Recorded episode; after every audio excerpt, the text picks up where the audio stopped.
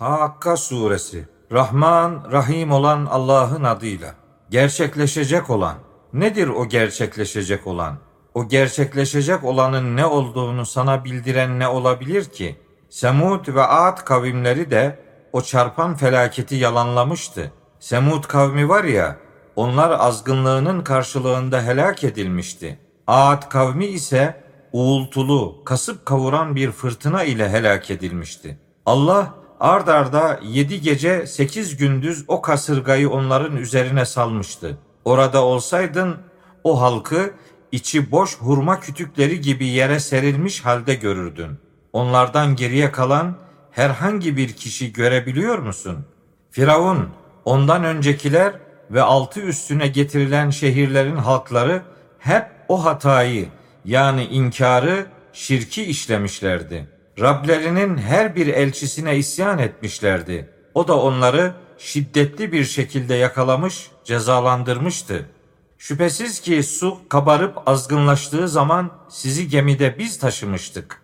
Gerçeği hatırlatma vesilesi yapalım ve kavrayan kulakların sahipleri onu iyice kavrasın diye onları size anlattık.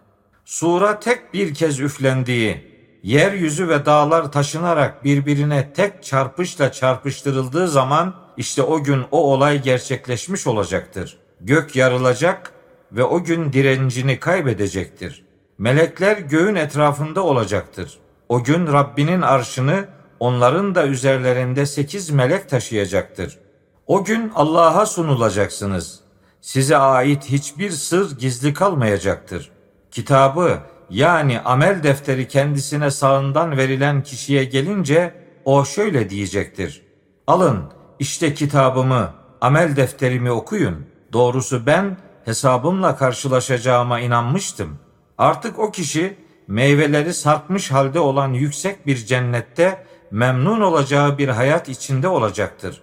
Cennetliklere şöyle seslenilecektir. Geçmiş günlerde işlediklerinize karşılık afiyetle yiyin, için kitabı yani amel defteri kendisine solundan verilene gelince o kişi şöyle diyecektir. Ah keşke bana kitabım verilmeseydi. Hesabımın ne olduğunu da bilmeseydim. Ah keşke onunla yani ölümümle her iş bitseydi. Malım bana yarar sağlamadı. Saltanatım da benden yok olup gitti. Allah meleklerine şöyle diyecektir. Onu yakalayın ve bağlayın. Sonra onu alevli ateşe yaslayın. Sonra onu yetmiş arşın uzunluğunda bir zincirle oraya sokun. Şüphesiz ki o yüce Allah'a iman etmiyordu. Yoksulu doyurmaya da teşvik etmiyordu. Bugün burada onun sıcak bir dostu yoktur. Sürekli hata yapanlardan başkasının yemeyeceği irinden başka hiçbir yiyecek de yoktur. Hayır, görebildiklerinize ve göremediklerinize yemin ederim ki şüphesiz ki o Kur'an değerli bir elçinin yani Cebrail'in ulaştırdığı sözüdür. O asla bir şairin sözü değildir. Ne kadar da azınız iman ediyor. O asla bir kahinin sözü de değildir. Ne kadar azınız gerçeği hatırlıyor. Vahiy alemlerin Rabbinden indirilmedir. Elçi bize atfen bazı sözler uydurmuş olsaydı bu nedenle elbette onu önce güçlü bir şekilde yakalardık, sonra bu nedenle can damarını elbette keserdik.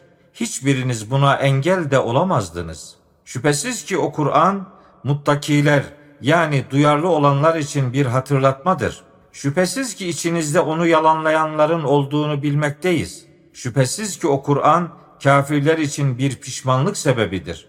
Şüphesiz ki o gerçeğin ta kendisidir.'' Yüce Rabbinin adını tesbih et, onu yücelt.''